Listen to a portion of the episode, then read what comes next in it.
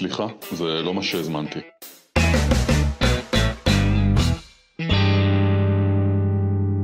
שלום, אנחנו בפודקאסט סליחה, זה לא מה שהזמנתי. אני לימור רייך ואנחנו עם טל בשן. טל הוא מייסד בית ספר למנהיגות תודעתית ומפתח שיטת אימפקט, ואנחנו כבר בפרק חי? 18, כן. אה, אז אתה בלי כיפה ואנחנו מתחילים אה, פרק חדש, לא הקלטנו מאז שבעצם אתה דיברת לטלפון בערים. יצא סאונד סבבה, אנשים אומרים, וואי, איזה מכשיר השתמשת, וזה נראה עושה יותר טוב מהמיקרופונים המפונפנים שאנחנו עובדים טוב, אז בפעם הבאה אנחנו יושבים כל אחד עם פלאפון, ואנחנו אחרי זה מחברים את האודיו. אה, על מה אתה הולך לדבר היום? אה, שם הפרק היום, פתולוגיה שהופכת לאידיאולוגיה. וואו, נשמע... שם כבד. כן. אה, אנחנו מדברים כאן בכל הפרקים ובכלל בבית ספר על הרעיון הזה לצמצם את הפער הקבוע בין הרצוי למצוי, נכון? אנחנו מדברים על כוחות פנימיים שפועלים, על אה, תת מודע שחווה את עצמו כטוב ומיטיב ולוקח הרבה פעמים את המושכות.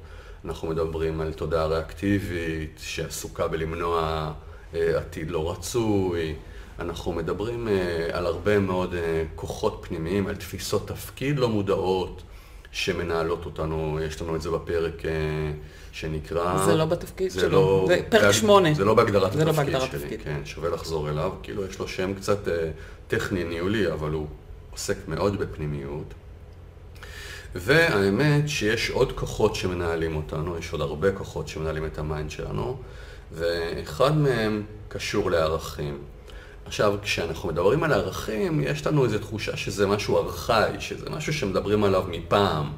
אה, ערכים זה דיבור ישן, אבל האמת שערכים הם חלק מאוד עמוק בפנימיות שלנו, והם מנהלים אותנו כל הזמן בצורה לא מודעת, לא רק ערכים, גם אה, אמונות, ולמעשה כל פעולה שבן אדם עושה, אה, מלווה גם בממד ערכי וגם בממד של אמונה. מה זה כל פעולה? אם אני חותכת אה, סלט לארוחת ערב, אז גם הפעולה הזו היא תולדה של ערך? חופשי, בואי תתקיל אותי בדוגמה הכי הזויה שיש, בוא נראה איך אני רגע, רגע יוצא מזה. אני יוצאת מזה בריאותית מאוד, אני לא יודעת גם מה איתך. בסלט, תראי, מעבר לרעיון של ערך של בריאות, אבל שני אנשים שונים עושים סלט, אחד יוצק לתוכו את הערך של נתינה, אחד יוצק לתוכו את הערך של יצירתיות, אחד יוצק לתוכו את הערך של אהבה, אחד יוצק לתוכו את הערך של הבריאות.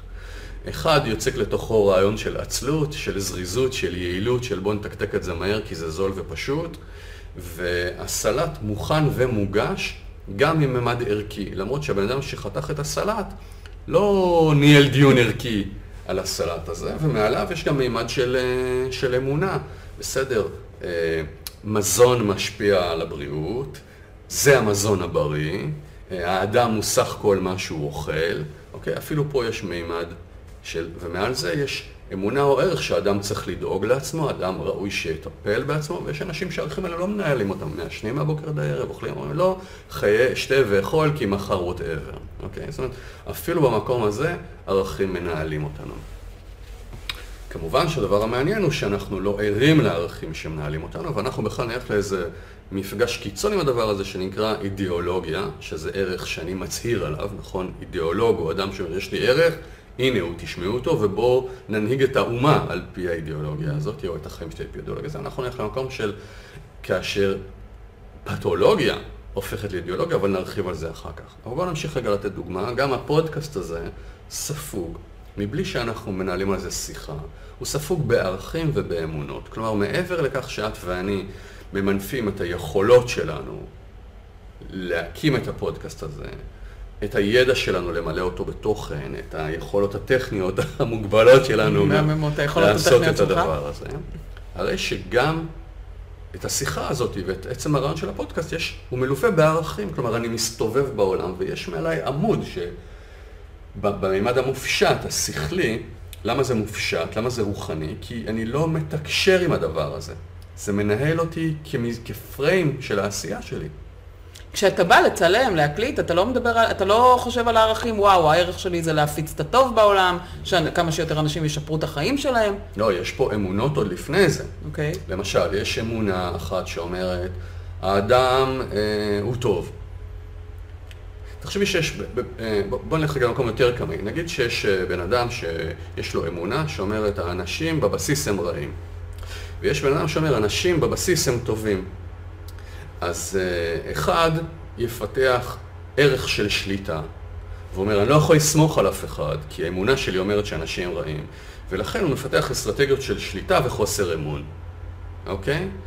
ולכן יושר יכול להפוך להיות ערך מאוד משמעותי עבורו. ולמשל, בן אדם אחר שחושב שאנשים הם טובים, יפתח ערך, ערכים של אמון והתמסרות. אוקיי? והוא יגיד, התמסרות זה דבר חשוב בחיים, אבל זה יושב על הרעיון הזה שאנשים הם טובים. Mm-hmm. זה גם יכול להשפיע באופן המודע על הבחירות של הקריירות שלהם. זאת אומרת, אם מישהו חושב שהאדם הוא טוב מנעוריו, והוא יכול להפוך להיות מטפל. הוא יהיה מטפל, הוא יהיה מורה, הוא יהיה כל דבר. שהתפקיד שלו הוא להפגיש כל בן אדם עם הטוב שבו. Mm-hmm. או אם יש לי אמונה שלכל בן אדם יש תכלית להתפתח. והוא טוב מנעוריו, אז התפקיד שלי זה רק להסיר מהבן אדם את הרע שנדבק אליו, את הקושי שמפריע לו להתפתח ולהיות הטוב שהוא אמור להיות. אז אני הופך להיות ש... מטפל. אם אני הצד השני, בן אדם שאז מה, מה אני אהפוך להיות? אם אני בן אדם שמאמין שהאדם הוא רע מנעוריו, mm-hmm. אז אם אני בן אדם שמאמין שהבן אדם הוא טוב מנעוריו, אני אהפוך להיות מטפל שיעזור לאנשים לראות את האור. ואם אני מאמין שהבן אדם הוא רע מנעוריו, אני אהפוך להיות סוהר, שכל התכלית שלו זה לדאוג שהבן אדם בחיים לא יראה יותר את האור. זאת אומרת, אני, אפילו בחירת קריירה, מה זה אפילו? אני יכול להראות לך פה 50 אלף קריירות של 50 אלף איש שעברו פה, סתם, לא יודע, מספר מופרז, אה, איך הקריירות קשורות לערכים לא מודעים שמנהלים אותנו. הערת סוגריים על מה שאני חושבת, בן אדם יכול להאמין שהוא רוצה להיות סוהר, מזה שהוא אומר מישהו פה מעד ואני רוצה להראות לו את דרך האור. אני בעצם סוהר, אבל אני סוהר שמצמיח, שמפתח, שבא להראות דרך אחרת. בכלל, כל, כל uh, תוצאה יכולה לינוק או משורש כזה או משורש okay. אוקיי. אחר, אוקיי? אנחנו יכולים uh, להגיע לאותן התנהגויות, פעם משורשים של פחד ופעם משורשים של uh, אהבה. Uh, היום אני רוצה לדבר על, על uh, רעיון אחר, רעיון שמדבר על כך שחלק מהערכים שאנחנו מתנהלים ומצהירים עליהם, הם למעשה תולדה של איזשהו פגיעה, של איזושהי פתולוגיה. של איזשהו עיוות, של פתולוגיה בעצם, אוקיי. כן. למשל, אפשר לתת דוגמה קטנה, שיכול להיות בן אדם שהוא עכשיו אה, מחזיק ערך מאוד מאוד עמוק של צניעות, אוקיי? וענווה וצניעות זה אה, דבר מאוד חשוב עבורו. ו... אולי הוא אפילו הופך את זה לאידיאולוגיה שנקראת הצנע לכת. והוא מקפיד לא להראות את עצמו, והוא מגדל דורות של תלמידים באחת המכללות המפורסמות ש... שבהם הוא מעריץ את א' ד' גורדון על, על אה, צניעות דרכו ועל הענווה הגדולה שהוא הפגין. על פניו מה שאתה מתאר נשמע נפלא, למה, למה, למה נראה לך שזה מגיע מפתולוגיה?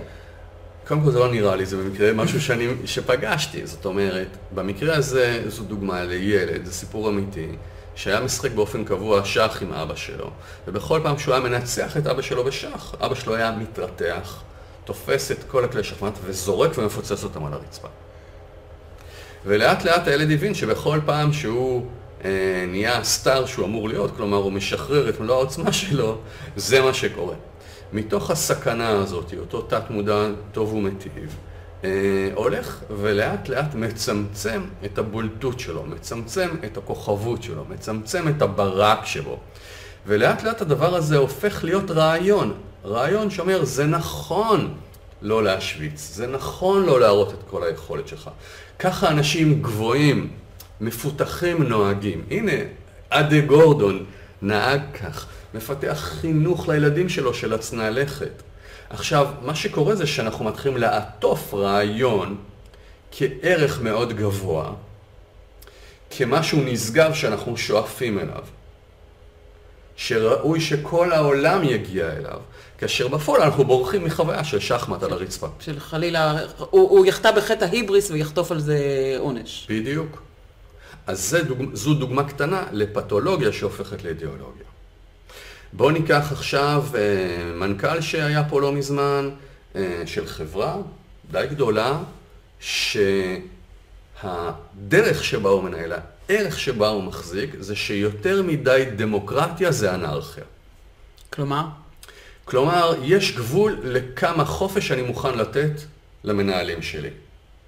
והוא אומר, אני מצליח בזכות זה שאני לא נותן הרבה חופש למנהלים שלי, אני יורד לפרטים, אני מעריץ אנשים שיורדים לפרטים, אני מחזיק קצר, אני מצפה מהמנהלים שלי להחזיק קצר.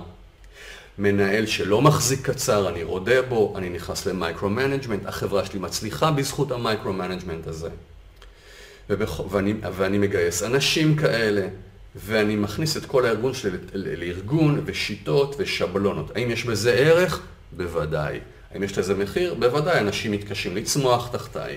אנשים מתוסכלים תחתיי, הכישרונות של האנשים לא בהכרח צומחים. הארגון לטווח ארוך יהיה אומנם יעיל עכשיו, אבל אולי, אולי הוא לא יהיה יצירתי מספיק כדי אה, לצלוח את השלב הבא. מאוד יכול להיות שתהיה לו תקרת זכוכית שקשורה mm-hmm. להיעדר יצירתיות. עכשיו אנחנו אומרים, למה זו פתולוגיה ולא ערך? והוא אומר, לא, תדעו לכם שיש קרב בעולם בין אור לחושך, בין לשמוע את כולם לבין סדר וארגון, ויותר מדי דמוקרטיה זו אנרכיה, זה הסלוגן הארגוני שלו. ומה? אותו דבר בבית, אותו דבר מול הילדים. אני יכולה רק לנחש מה הפתולוגיה שעברה עליו, אבל בכל זאת, זה יכולים להיות בעצם או קצה כזה או קצה כזה, או קצה שבאמת גידלו אותו לפי אה, כל דבר אה, צריך להיות במקום והכל בסדר והכל זה ולא לחרוג ומשליטה מאוד גבוהה, או הקצה ממש המנוגד לו שזה היעדר גבולות. אז הנה יש לנו, במקרה הזה זה ב', יש לנו ילד שגדל במושב כזה של פעם. והיו לו הורים מאוד מאוד חופשיים. הם מהצד שלהם היו באמונה מאוד גדולה בילד. כלומר, לתת לילד לחוות, להסתובב, סומכים עליו. לעיתים, לעיתים, לעיתים, לעיתים, או אולי פחות לעיתים, לא מעט פעמים, אה, היעדר או יותר מדי חופש נחווה כהפקרה וכהיעדר mm. גבולות. אה, אנחנו רוצים לסמוך על הילד, סומכים עליו, אומרים לו, זה בסדר, תעשה מה שאתה רוצה, אנחנו סומכים עליך, אבל הוא לפעמים מרגיש גם לא מוגן, מרגיש מופקר, יכול גם לפרש את זה כחוסר אכפתיות. פה היה גם אירוע מכונן, הילד הזה הסתובב ביישוב, הגיע לפאתי היישוב, הלך קצת רחוק מדי, הגיע, זה סיפור אמיתי, הגיע אה, לבית של השוחט, במקרה ראה טקס שחיטה של תרנגולת, נטולת ראש, והתרנגולת נטולת הראש הזו, נטולת ההנהגה הזאת, היא התרוצצה אה, בחצר, עברה לידו, הוא נחרד, ברח, והמשפט שרץ לו בראש זה איך נתנו לי לראות את זה, איך נתנו לי להגיע לדבר הזה. איך לא שמרו לי על הגבולות. למה אף אחד לא אמר לי לא ללכת למקום הזה, אני לא יכול, הדבר הזה נצרב, כמובן שזה נצרב לו על עוד דברים. והוא החליט להיות זה שמגן על עצמו, כי יותר מדי דמוקרטיה זו אנרכיה. והחופש הזה הוא מסוכן, וכדי לא לחוות את החוויה הזו שנית, קראנו לזה בהרבה מאוד שמות, קראנו לזה מצדה, קראנו לזה בור, כדי שמצדה לא תיפול שנית, מתפתחת אסטרטגיה של שליטה, אסטרטגיה של גבולות, אסטרטגיה של אני אשים את הגבולות לעצמי. אני לא אתנסה גם במה שחברים אחרים מתנסים, כי לי אין מי שישים לי את הגבול. אגב, זה יכול היה להוביל להתנהגות אחרת, שאני אדחוף את הגבול עוד ועוד בציפייה שמישהו ישים לי גבול. Mm-hmm. אני, בסוף אני יכול לרצוח נהג מונית, כי אף אחד לא שם לי גבול. כלומר, זה באמת אגב פתולוגיה שהגיעה למקום הזה, המקרה ההוא, אני לא זוכר את השמות. ראי חורף. אני פה בשביל לזכור דברים אוקיי. לא משמעותיים לי כן. בחיים. אגב, גם אצלך זו אידיאולוגיה שיושבת על פתולוגיה. נכון. נכון? שנינו יודעים גם למה. כלומר, הצורך לדעת בדיטייל כדי להוכיח מה שייך למה. יושב אצלך על פתולוגיה, לא נשים את זה בפני המאזינים. סליחה על ה... אולי עוד חי פרקים אנחנו נפתח פה עד הסוף. סליחה על הסומק שלה. אבל אתה צודק, נכון? אוקיי. הדיטיילס. עכשיו, זאת גם עוצמה שלך. איפה היינו? ברח לי הסיפור. היינו בזה, במנהל של הפך את ה... שיותר מדי דמוקרטיה זו אנרכיה, נכון, וזה ישב בעצם... נכון, יותר מדי דמוקרטיה זו אנרכיה.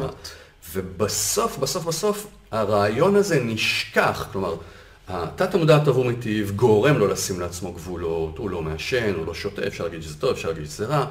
אה, הוא מגביל את עצמו, הוא, הוא הופך להיות קצת יותר מופנם, אבל לאט לאט גם מתפתח רעיון שהוא כאילו רעיון ששואפים אליו. רעיון של גבולות, רעיון של סדר, רעיון של משמעת. ועכשיו אני כבר מודיע לעולם שזו אידיאולוגיה מוארת של אור, שלא נולדה בחושך. כאילו יש איזה טרנזישן מהמקום של הבריחה מהמצדה, מהמקום של הבריחה מהפחד, יש טרנזישן שהמבוגר בא ואומר, לא, זה המקום הנכון לשאוף אליו.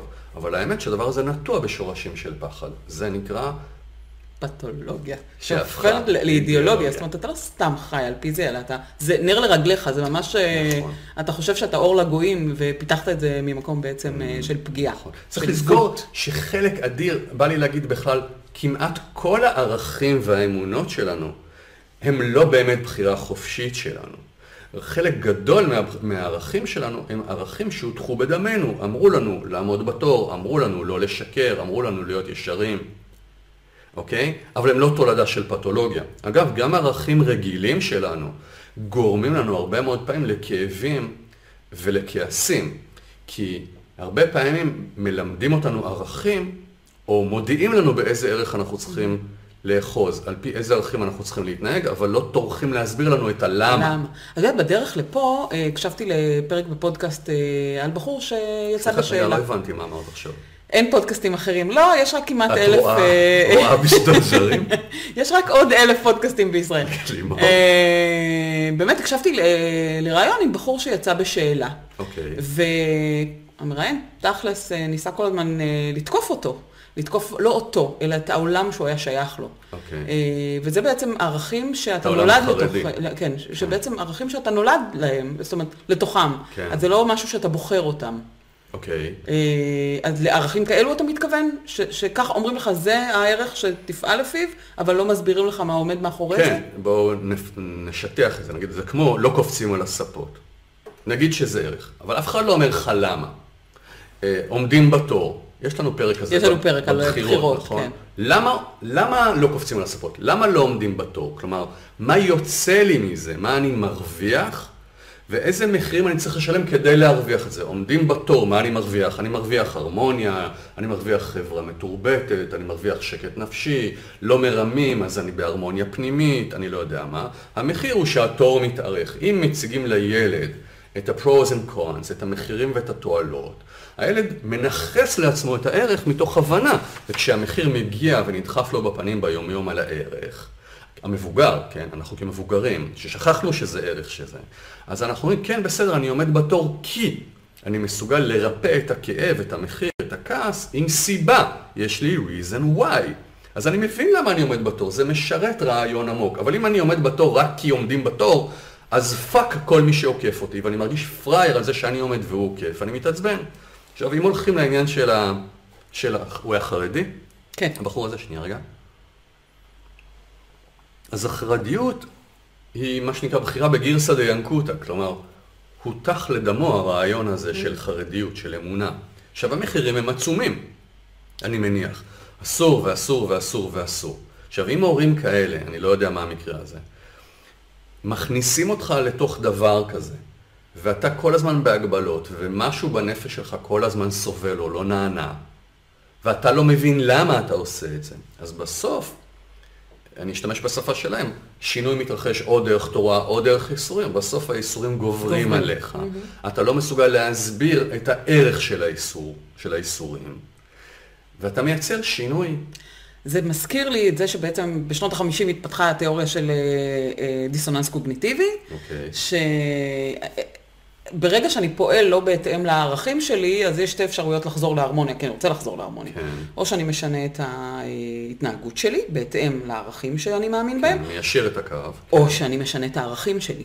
מה שאתה פה אומר לי, יופי שיש את התיאוריה הזו של הדיסוננס קוגניטיבי, הערכים שלי, אם אני לא מודע להם, אם זה בא מהתת מודע, אני לא בחרתי אותם. נכון. זה תוצ... תולדה של אה, עיוות. אז אני אומר, הערכים שלי יכולים להיות או עיוות. תולדה של שלושה אוקיי. דברים. כבן אדם בוגר, אני יכול, וזה המיעוט, לא יודע באחוזים, זה נראה לי כמו מיעוט זניח, ערכים שאני פעלתי באופן, בחרתי באופן חופשי כמבוגר. מרגע זה וזה, החלטתי שזה הערך לרגליי. למה? כי למדתי משהו, הלכתי עכשיו, נגיד רגע. נהייתי טבעונית. אוקיי. כי בעצם אה, אה, הבנתי שצריך לחמול על חיות, וראיתי וקראתי על זה הרבה. מעולה. וזה ערך שהגיע לי ככה, לא יודעת, לא, לא מעולה, ספציפית. מעולה, מעולה. בשנות ה-40-50 למדתי שלי. בודהיזם, הבנתי שכדי להתפתח רוחנית, שזו שאיפה שלי, אני חייב להיות אדם מוסרי, כי אדם לא מוסרי לא יכול להתפתח רוחנית, הבודה מסביר את זה יותר טוב ממני, ויש לי בחירה חופשית בערך. בעיניי זה החלק הקטן. החלק השני, אלה ערכים שמותחים בדמנו, ב- נדבקתי למילה הזאת היום, ערכים ש, שחינכו אותנו אליהם. מי שרק אמרו לו אל תעמוד בתור, בלי ה-reason why, יסתבך עם הערך הזה, יחוש כמבוגר מתישהו קורבן של הערך הזה, וכשהערך הזה יגרום לו לשלם מחירים כבדים, הוא או יכעס על העולם, או יישב את הדיסוננס הקוגניטיבי במקום אחר. אם ההורים שלי לימדו אותי את הערך הזה, עם הרציונל שלו ומחים, ונתנו לי לבחור בערך, אז התייחסו אליי כמו אל מבוגר. הבעיה היא שהרבה מאוד פעמים ההורים מעבירים את הערכים שלהם בקופי פייסט מדור קודם, ובעצמם לא עשו את הסדר הפנימי. והערכים שאני מדבר עליהם היום, הם תולדה של פתולוגיה, mm-hmm. תולדה של פחד ותולדה של כאב.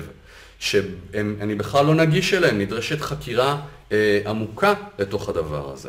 אוקיי? הרעיון לפרק הזה הגיע מפגישה שהייתה לי לפני כמה שבועות עם שני אנשים שונים בשני ארגונים, אחד הגיע לפה, אחד באיזשהו ארגון, והם החזיקו את, את אותה אידיאולוגיה, שהיא? את אותו ערך מוצהר, כתוצאה מפתולוגיות שונות, ומפה הגיע הרעיון אה, לפרק.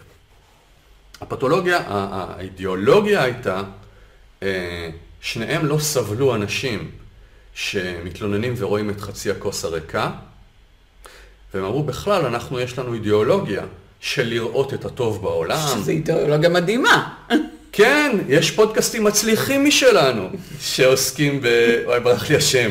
אה, אה, אה, פסיכולוגיה חיובית. טוב, של... תכף אנחנו נזכר. אין, אנחנו פה טובים בפרטים, חושבים טוב. חושבים טוב, של אידיאולוגיה מדהימה, לראות את החלק הטוב בעולם, אוקיי? למה לראות את הרע כשאפשר לראות את הטוב? ו, אה, וגם אה, שניהם החזיקו אידיאולוגיה של אמת כדרך חיים, אוקיי?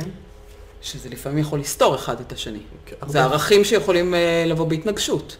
אם מה שאני, לא, להיות אמת, להיות ישר, אוקיי? כן, אבל אם אני רואה רק את הטוב כאסטרטגיה, אני לא רואה את הרע שלי. Mm-hmm. ואז האמת שלי שאני מראה רק טוב. אפשר ליישב דיטרקציה. לגמרי יישבת את זה, אוקיי. עכשיו, בואו רגע נראה את הלמה. Uh, במקרה. נאגד את המקרים האלה לכדי מקרה אחד, נעשה איזה מישמש, כי זה בסוף אותו שורש. אז יש לנו ילד שהוא נחווה על ידי ההורים והחברה כילד מושלם. ממש, uh, את יודעת, masterpiece כזה. יפה, חכם, טוב לב, מנומס, תלמיד מעולה. אבל בפועל, בפנים, הוא מרגיש רקוב. ואף אחד לא יודע עליו את האמת. אנחנו מדברים על ה-70's נגיד, כן? אה, כי הוא גיי, והוא נמשך לבנים. וזה פויה.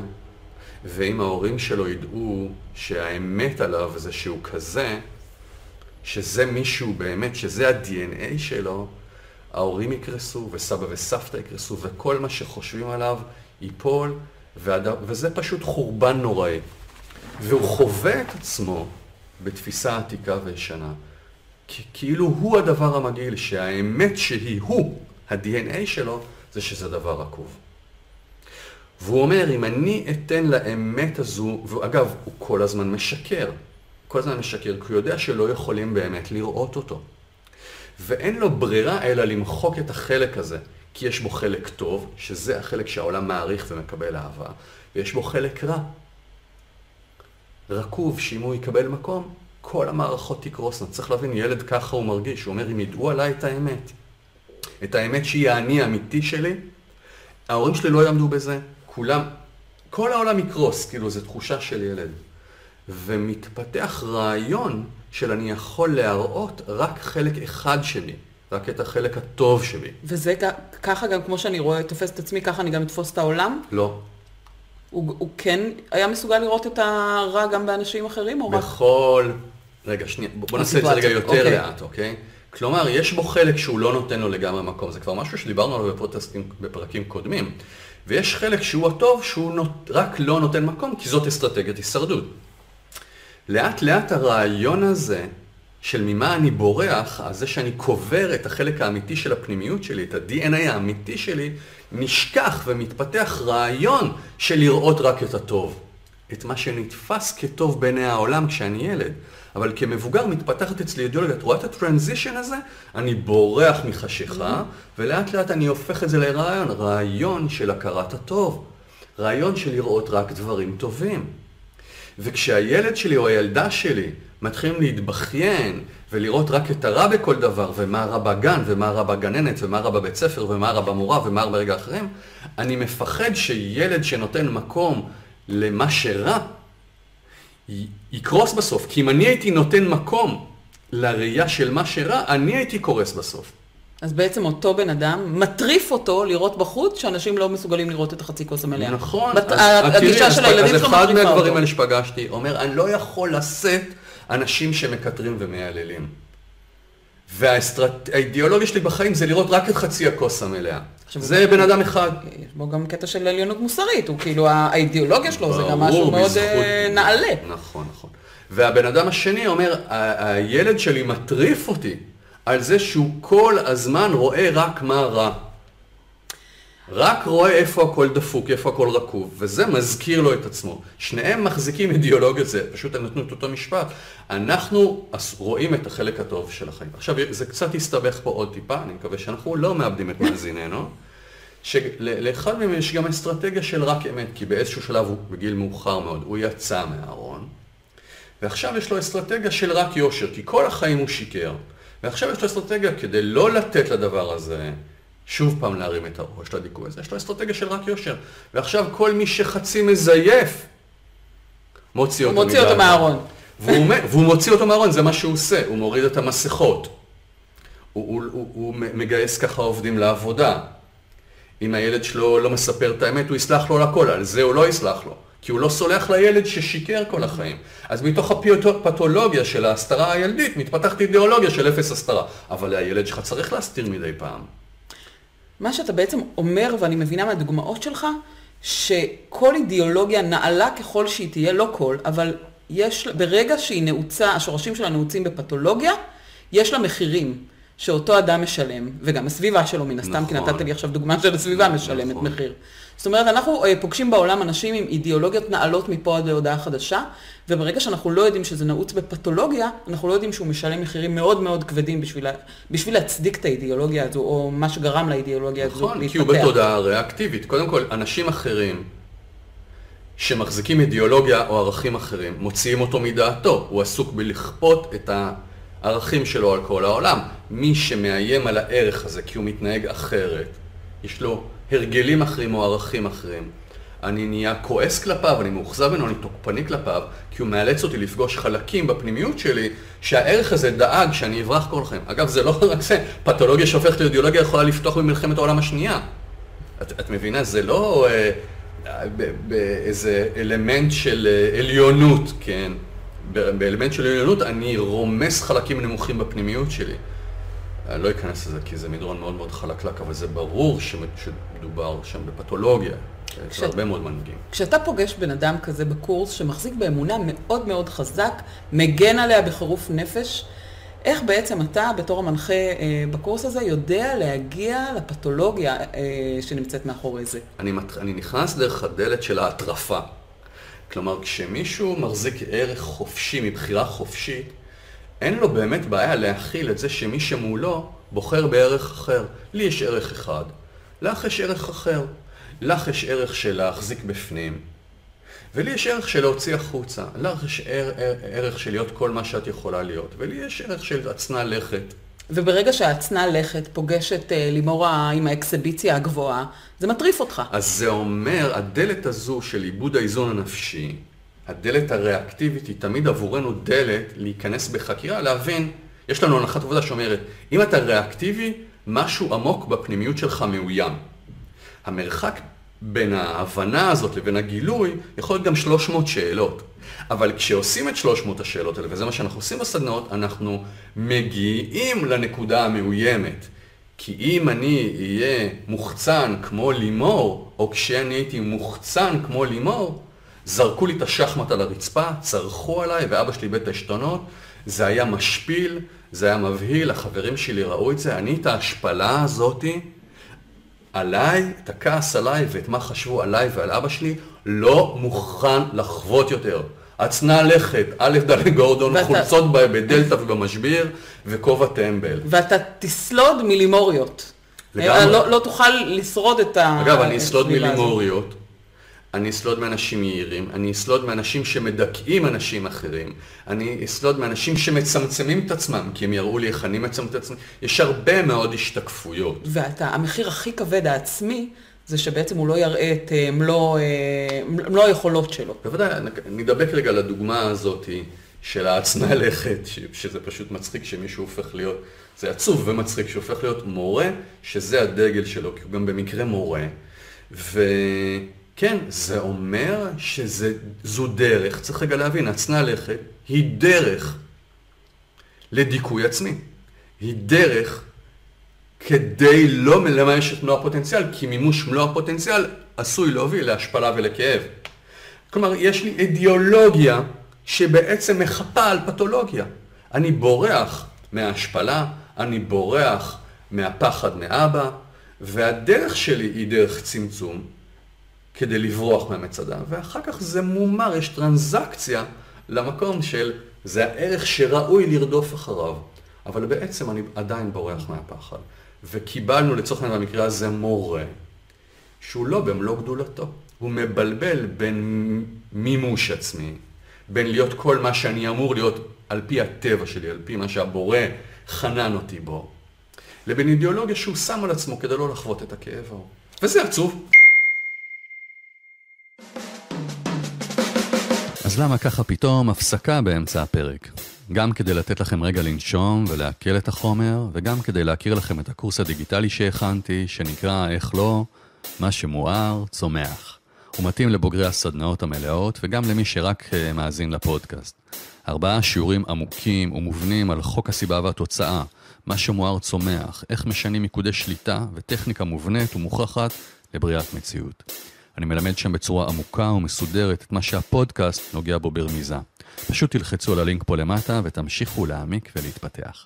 זהו. נתראה עוד שנייה מהצד השני.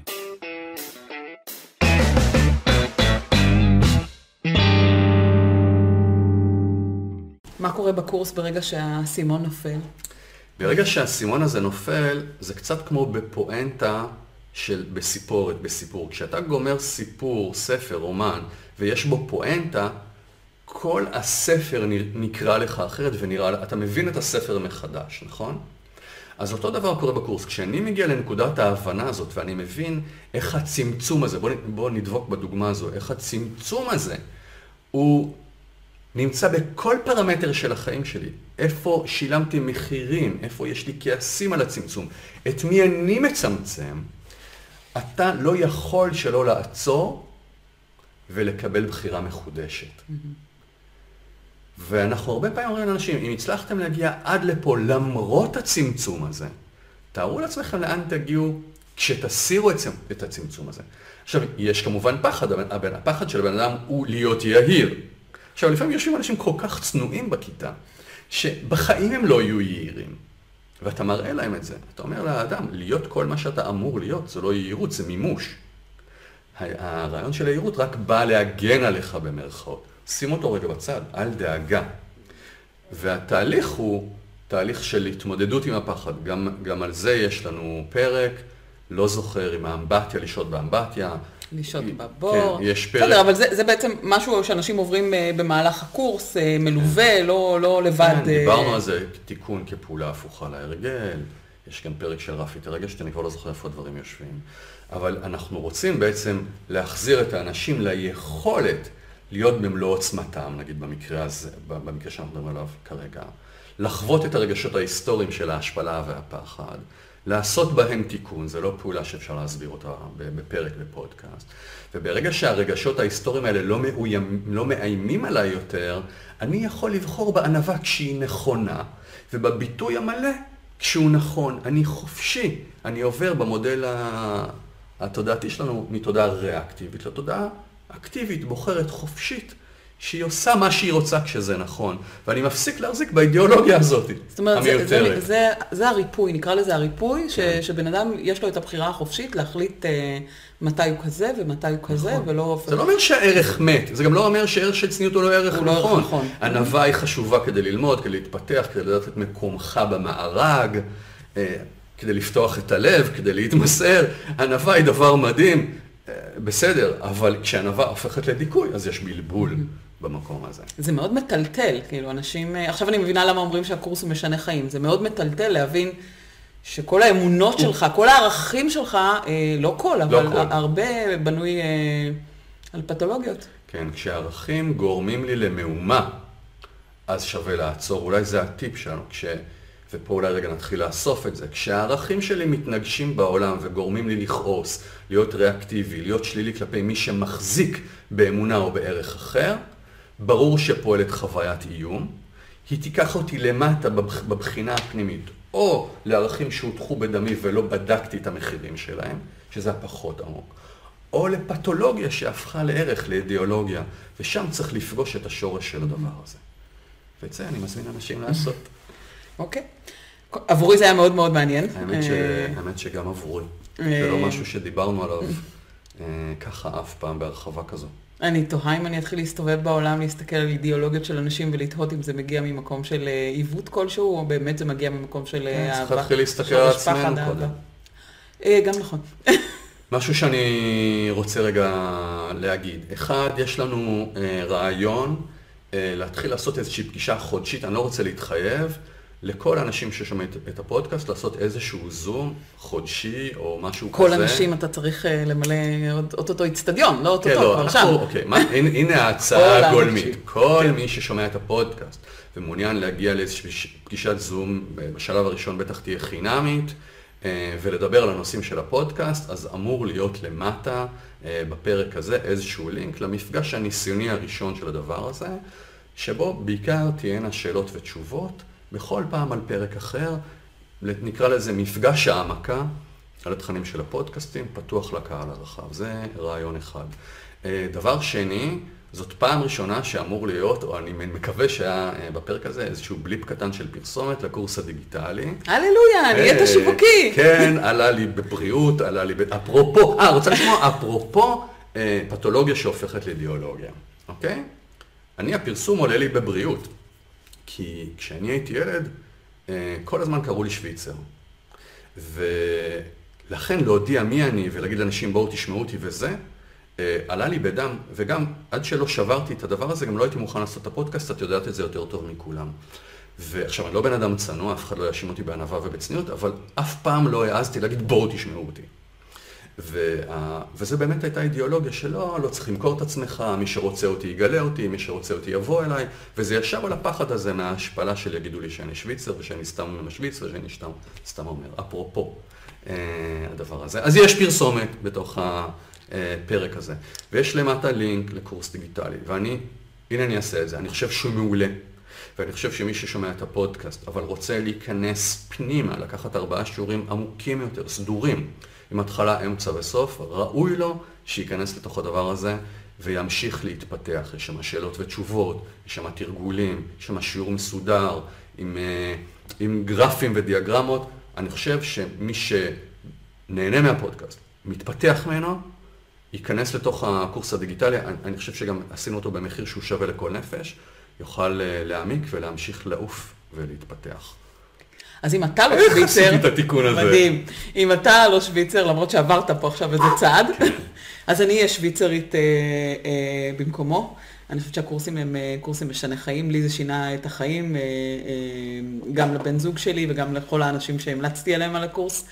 אה, אז תגיעו לקורסים פה בבת חפר, תקשיבו רגע, אבל לימור, רגע. הקורס הדיגיטלי הוא לא במקום הקורס הזה, זה שני מוצ... אין חפיפה בין הקורס המלא, הקורס המלא הוא קורס חקירתי, עמוק, אנשים יכולים להבין בניחוחות של הפודקאסט לאן זה הולך, והקורס הדיגיטלי מלמד ארבעה כלים לעבודה עם תודעה. אין, אין סתירה ואין חפיפה אין בין חפיפה. הדברים. אוקיי, זאת אומרת, זה אחד על השני וזה, כן. זה, לא, זה בנוסף, לא במקום. לא, זה חשוב להבין, זה, שאני לא רוצה שאנשים ייכנסו לקורס הדיגיטלי ויגידו, אה, זה, אז זה העבודה האמיתית. לא, העבודה האמיתית היא בקורס המלא, זה מאמץ אחר. העבודה האמיתית היא בין המנחים פה אחד על אחד, זאת אומרת, גם העבודה הקבוצתית וגם האחד על אחד. זהו. אה. אני שמחה ששרדנו אה, חי אה, פרקים, ואנחנו נשרוד עוד חי פרקים בעזרת השם וישועתו. אז תודה רבה שאתה מסכים ללכת קדימה, ולא להגיד, טוב, מי שרוצה שיבוא לפה. אני-" כן, אבי נעלבי. תודה רבה. היה כיף. תודה. להתראות.